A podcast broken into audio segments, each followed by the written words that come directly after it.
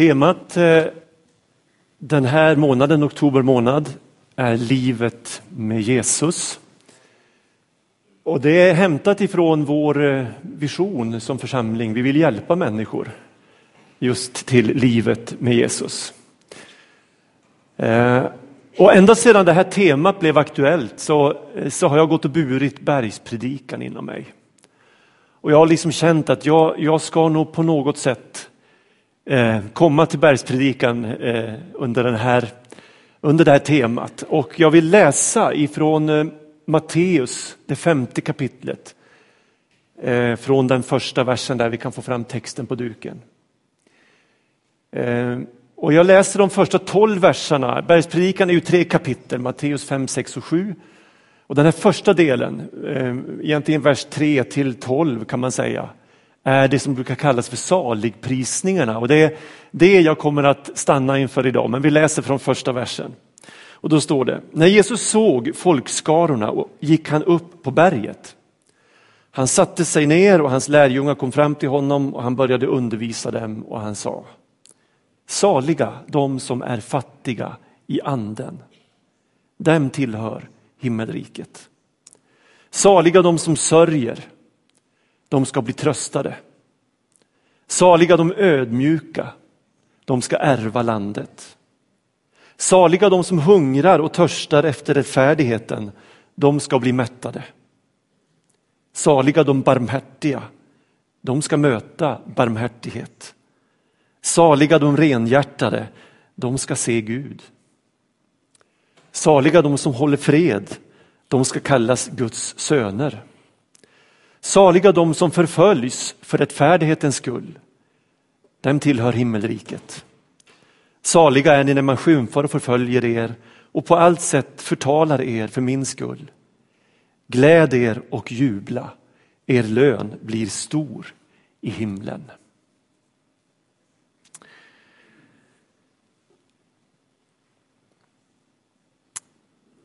Martin Luther han sa så här.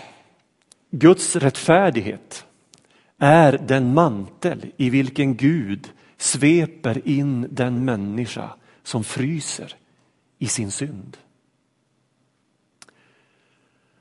Jag tycker det här är ett underbart citat.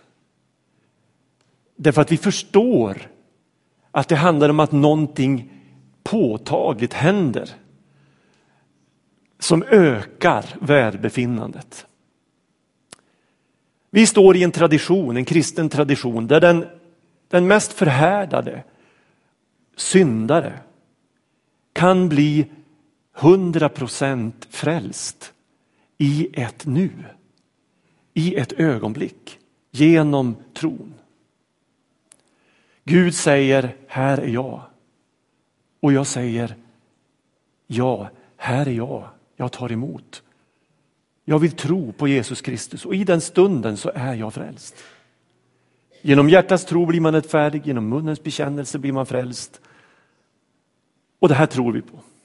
Men vad händer sen?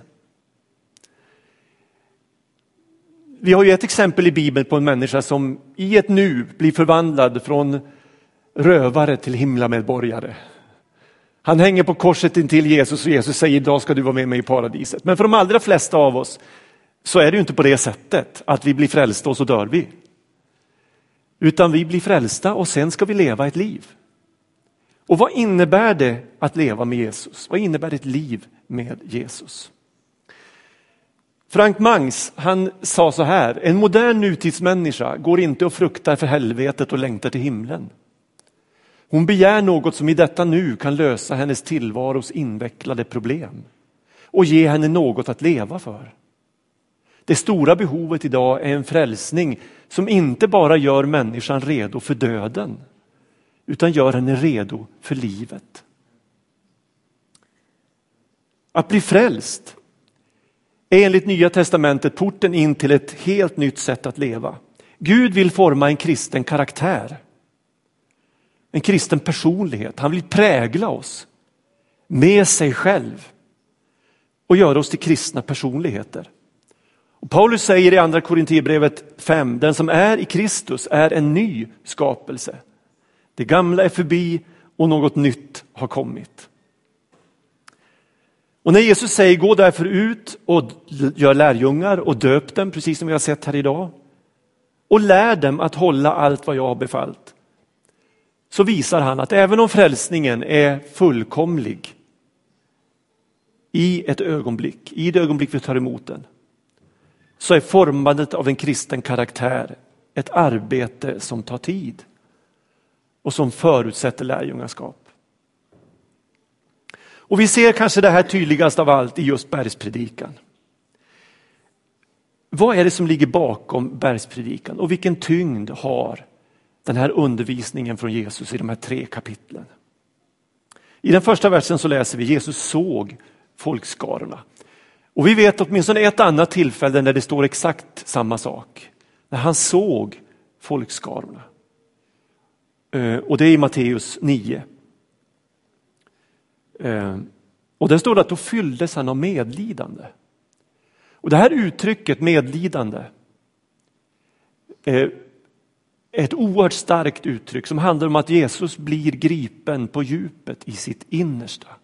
Det tar tag i hans inälvor när han ser människorna. Och i det sammanhanget står det att de är vilsna, de är som får utan herde. De är ett byte för vargar. Ehm, Jesu undervisning har, har sin utgångspunkt i människans behov. I hennes brist, i hennes vilsenhet. Så älskade Gud världen att han gav den sin enda son för att den som tror på honom inte ska gå under utan ha evigt liv. I den andra versen läser vi, han började undervisa. Egentligen står det Jesus öppnade sin mun. Och det här betonar vikten av det som sägs. Formuleringen öppna sin mun har en dubbel mening. Det kan dels vara en högtidlig, vördnadsfull utsaga. Och det kan också betyda en människa som öppnar sitt eget hjärta, som av hela sin själ ger ut sig i det han vill säga. En man som heter Chesterton har sagt så här. Vid första läsningen av bergspredikan så känner man som om den här undervisningen vände upp och ner på allt. Men vid andra läsningen så upptäcker man att den vänder allt rätt. Första gången man läser den känner man att den är omöjlig. Andra gången känner man att inget annat är möjligt. Och ta nu det här med första och andra gången lite bildligt. Men vad det här försöker beskriva är ju att det finns ett motstånd inom oss mot det radikala i Jesu undervisning. Vi ska komma ihåg att det fanns tillfällen när Jesus gick här på jorden, trots att han älskade människor och botade människor och räddade människor och befriade människor, så kom det punkter när människor sa, vi står inte ut med att höra vad den mannen säger. Och så gick man därifrån. Därför att det Jesus sa var så utmanande. När det handlade om, om, om, om allt vad vi föreställer oss om vad det är att leva ett mänskligt liv. Att det krävdes både en och två och tre gånger för att, man, för att det här motståndet skulle brytas ner och man skulle börja upptäcka, ja men det är ju det här livet egentligen handlar om. Det här är ju det enda möjliga. Det är det här som vi är skapade för, det är det här som vi hungrar efter, det är det här som vi längtar efter. Alltså någonstans behöver någonting hos oss brytas ner för att vi ska kunna öppna oss för den befrielse som Jesus kallar oss till. Det här jag kommer att säga idag är inte jättelätt smält och du kanske kommer att sitta här som tycker att jag står inte ut med att höra på vad han säger. Men lyssna då en gång till och en gång till. Tills du upptäcker att ja, men det är ju bara det här som är möjligt. Det Jesus undervisar om.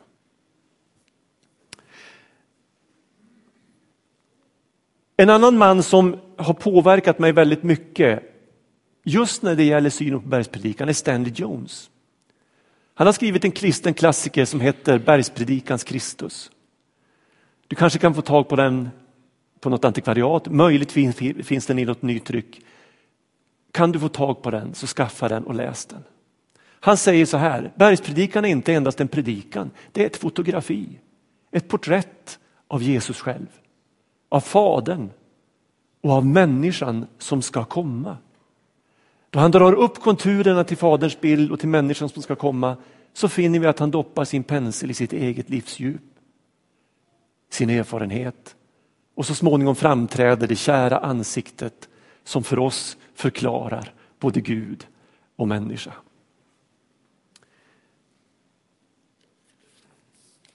Han fortsätter och säger kom till bergspredikan med ett lagiskt sinne.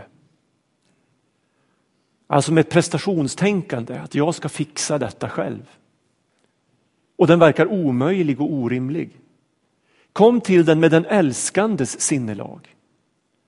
Och inget annat är möjligt.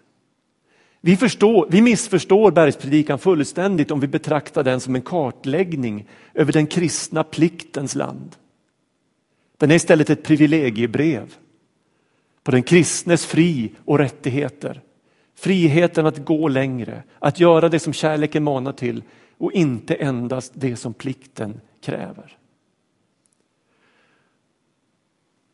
Och det är den här omsvängningen i våra liv som den här, den här citatet från Stanley Jones talar om som är, som är nödvändig.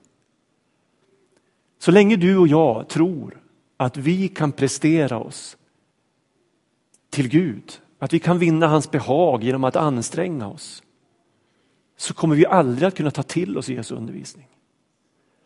Utan vi måste kapitulera inför det faktum att det finns bara en sak som kan förvandla mitt liv och det är Guds kärlek. Och det var genom att se på allt det Jesus gör och säger och lär genom kärlekens ögon som jag kan förstå och följa. Eh, och här tror jag vi hittar nyckeln, inte bara till bergspredikan utan till livet med Jesus överhuvudtaget. Plikt och bud har aldrig på djupet förändrat en människa. Vi kan inte skärpa oss till att bli lika Jesus. Det är som att försöka lyfta sig i håret. Och därför ger sig inte Jesus förrän han kommer åt ditt och mitt hjärta. Han vill börja i centrum. Han, han säger att människan inte kan leva rätt i periferin om hon inte har livet i sitt hjärta, i sitt innersta. När han vill göra allting nytt så vill han först och främst lägga sin hand på ditt och mitt hjärta. Eller som Stanley Jones säger, han kom därför inte för att föra människor till himlen utan för att föra himlen in i människorna.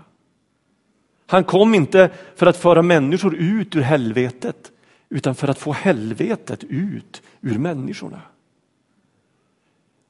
Det är varken mer eller mindre än detta som är Jesu ärende.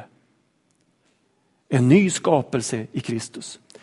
Jag sa tidigare att Jesus stoppar penseln i sitt eget innersta och målar sitt självporträtt i bergspredikan. Och genom att älska honom, genom att beundra honom, genom att umgås med honom, genom att lida med honom så kommer vi att allt mer präglas av honom och börja likna honom. Vad betyder ordet salig, grekiskans makarios, engelskans blessed are, alltså välsignad är. Eh, det här är ett väldigt svårt ord att översätta. Salig säger inte oss så mycket. Vi kan ana vad det betyder men vi använder ju inte det ordet i vardaglig svenska. Och varken välsignad eller lycklig täcker det här ordets fulla innebörd. Någon har slagit ihop orden och översatt välsignade och avundsvärt lyckliga. För att försöka fånga in det här ordet. Jesus talar här om en välsignad glädje som är ren och oförstörbar och helt oberoende av yttre omständigheter. Salighet har ett evighetsperspektiv över sig. Eh, ingen och inget ska ta er glädje ifrån er, säger Jesus. Alltså en glädje helt oberoende av om jag vaknar och är trött eller jag inte mår bra eller pengarna är slut. Eller, en glädje som finns där ändå. Som ingen kan ta ifrån mig. Och så säger han då saliga eh, de som är fattiga i anden. De tillhör himmelriket. Och säger nu Jesus att den är salig som är fattig i anden, då, då känner jag att då är, då är det det vi ska sträva mot. Alltså vi ska längta efter att vara fattiga i anden. Ehm. Det här betyder göra sig liten, huka sig, tigga. Engelskan står det de som är medvetna om sin andliga fattigdom. Självuppgiven i anden i motsats till självhävdelse. I psalm 32 eh, kan vi få lite hjälp för att liksom komma i den, här, i den här ställningen inför Gud. För där står det så här. Då uppenbarade jag min synd för dig. Jag överskylde inte min missgärning. Jag sa jag vill bekänna för Herren mina överträdelser. Och då förlät du mig min syns missgärning. I Lukas 18 läser vi en berättelse om två personer som kommer till templet för att be. Den ena är farisé och skriftlärd och den andra är tullindrivare. En illa sedd människa, eh, förtalad i samhället, lite av drägg. Och så kommer de till gudstjänsten och farisén han står där med lyftat huvud och upphöjt bröst och säger tack Gud att jag inte är som tullindrivaren där borta. Tack att jag är den jag är farisé och skriftlärd. Tullindrivaren han faller på knä och gråter och slår sig för bröstet och säger Gud förbarma dig över mig syndare. Så säger Jesus, han gick mer rättfärdig ifrån den gudstjänsten än farisén. Fattig och behövande i sin ande. Den fattige i anden erkänner sin synd och sitt fullständiga beroende av Gud. Och varför är det här så viktigt? Ja, själva grundsynden är egot på tronen istället för Gud. Omvändelsen betyder därför att jag överlämnar tronen till Gud. Jag erkänner sanningen om mig själv och det här blir utgångspunkten för resten av mitt liv. Och Johannes han skriver om vi säger att vi är utan synd så bedrar vi oss själva. Alltså farisén som stod där och slog sig för bröstet, han lurade sig själv. Han hade en felaktig självbild som Gud aldrig kunde skriva under på. Men om vi bekänner våra synder så är Gud trofast och rättfärdig så att han förlåter oss. Jesus säger i Lukas 9, om någon vill gå i mina spår så måste han förneka sig själv och varje dag ta sitt kors på och följa mig. Den som vill rädda sitt liv ska mista det, men den som mister sitt liv för min skull, han ska rädda det. När egot är försakat, det här är också ett citat, då står man ytterligt illusionsfri, avskild, utan att begära något. Man möter sorgerna, slagen, föraktet, förlusterna och missgärningarna i livet genom att innesluta dem i en stor självförsakelse. Detta är livets högsta strategiska reträtt. Då kan man säga till livet, vad kan du göra mig? Jag har redan dött. Och det här känner vi igen i Jesu liv. Den här döden är nödvändig för att livet, det eviga, himmelriket, Guds rike ska bli vårt. Här möter vi det sanna självförverkligandet. Allt tillhör den människa som ingenting begär. Även världens sorg, synd och smärta. Egot vill skydda sig, den självuppgivne öppnar sig. Hon har Gud, det är tillräckligt. Och nu är hon beredd att komma tillbaks till världen. Och den andra saligprisningen fogas naturligt till den första. Saliga de som sörjer. De ska bli tröstade.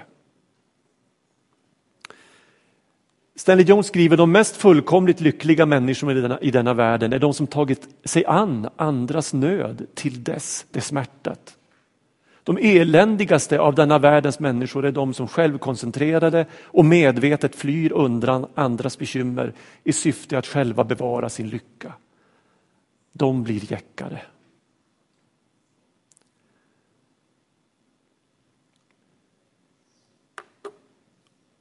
Jesus berättar på ett ställe en berättelse om en rik man som har en fattig man i sin närhet. Den rike mannen och Lazarus heter berättelsen. Troligtvis en autentisk berättelse som folk kände till, som Jesus hänvisar till. Den fattige han ber att få något av den rike, den rike ger honom ingenting. Utan han får äta av smulorna som hundarna äter av. Så dör de båda två och den fattige hamnar i Abrahams sköte där Gud tar hand om honom och han är frid och han, har, och han är i vila. Medan, Las, medan den rike mannen han hamnar i, i elden. Och det brinner i honom. Han, han vädjar, skicka Lazarus att varna min släkt för att hamna i detta helvete. Men han får bara svaret om de inte har lyssnat medan de lever så kommer de inte att lyssna på de som kommer från de döda.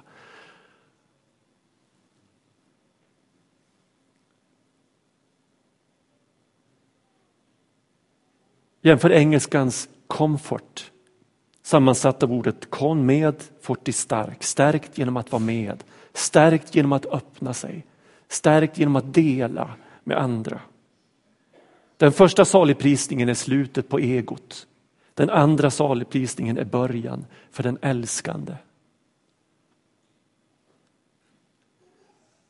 Det står om Jesus att han avstod från allt och antog en tjänares gestalt. Den självuppgivne och sörjande Kristus. Och här minerar Jesus fullständigt påståendet att kristen tro skulle vara verklighetsflykt. Den som är självuppgiven i sin ande grips och grips djupt. Hon är mer känslig för världens smärta än någonsin förr. Kärlekens natur är att dela andras sorg och glädje och synd och smärta. Precis som Jesus delade vår. Det står om honom att han är inte oförmögen att känna med oss i våra svagheter utan han har prövats i allt, precis som vi, men utan synd. Och precis som Jesus valde att gå den vägen så handlade i den andra saligprisningen om att med glädje välja smärta. Och här ligger en hemlighet till ett fullödigt liv. Vi väljer smärtan medvetna om löftet att den som sörjer också får tröst. I bemärkelsen ny kraft för sin inre människa. Någon har sagt Kärleken har domen över sig att blöda och när vi upphör att blöda upp, upphör vi att vara en välsignelse.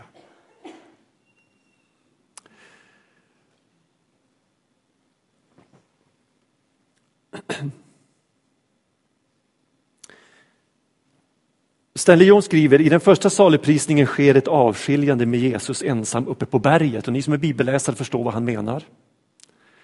Tre lärjungar fick se Jesus förhärligad på berget.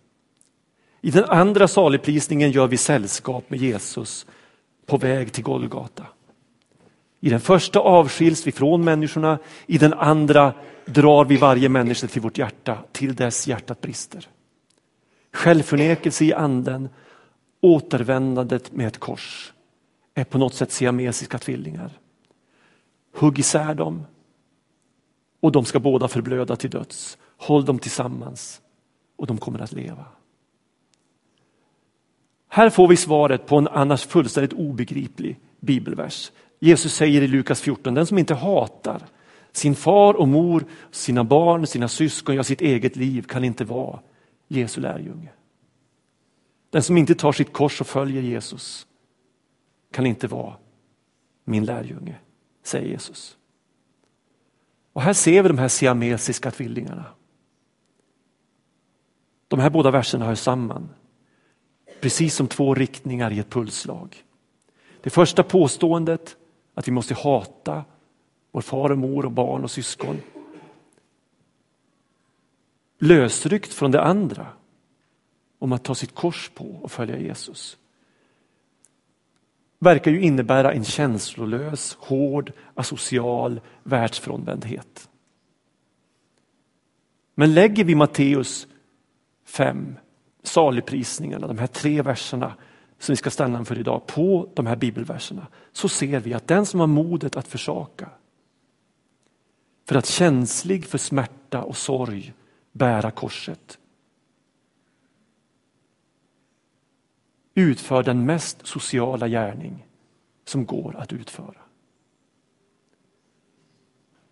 Jesus bär korset, allt som inte var hans, för vår skull. Han avstår från allt för att kunna ge ut sig fullständigt. Vad Jesus säger alltså, försaka familjen i anden men återvänd till familjen med ett kors på dina skuldror för att till varje pris rädda den. Det är det den här texten handlar om. Till sist, saliga de ödmjuka. Eller saktmodiga, de ska ärva landet eller besitta jorden. De två första saligprisningarna, de här siamesiska tvillingarna, inbördes avvägda och fullkomnade genom varandra bildar en syntes som blir den tredje. Saliga de ödmjuka. De ska ärva landet. Jesus visar att ödmjukhet och saktmod är någonting stort. Det är absolut inte svaghet eller feghet utan styrka. Det är en förening av modet att försaka i sin ande, att hängivet använda känsligheten för andras sorg och smärta till att ge sitt liv i tjänande för andra människor. Väte och syre blir det livgivande vattnet. Försakelse och tjänande ger den oövervinneliga ödmjukheten. Och vi möter här den karaktärstyp som ska ärva jorden. Det här är någonting stort. Kristus inför Pilatus är den ödmjuke saktmodiga. Han kunde inte köpas för han hade avstått från allt. Han begärde inget.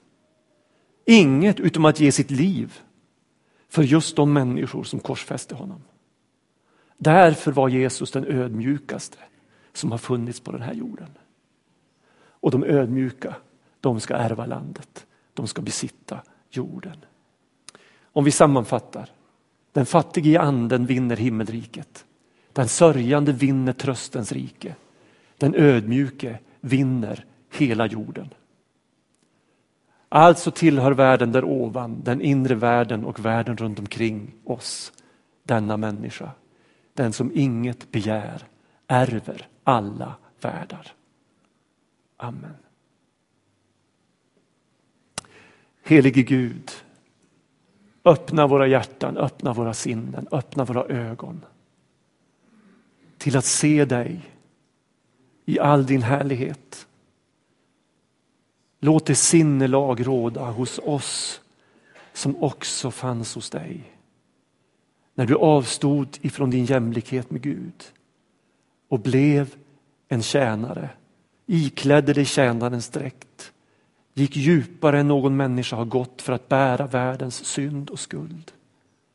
Därför har Gud upphöjt dig och gett dig ett namn som är över alla andra namn för att alla knän utan undantag en dag ska böjas för ditt namn och bekänna att du hade rätt. Du är vägen, sanningen och livet. Du är människans enda svar. Du är vårt enda hopp.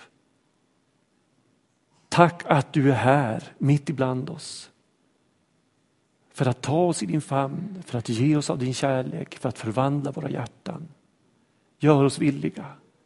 Hjälp oss att inte gå bort bedrövade, utan falla ner i ödmjukhet inför dig och bekänna att du är Herre, Gud Fadern till ära.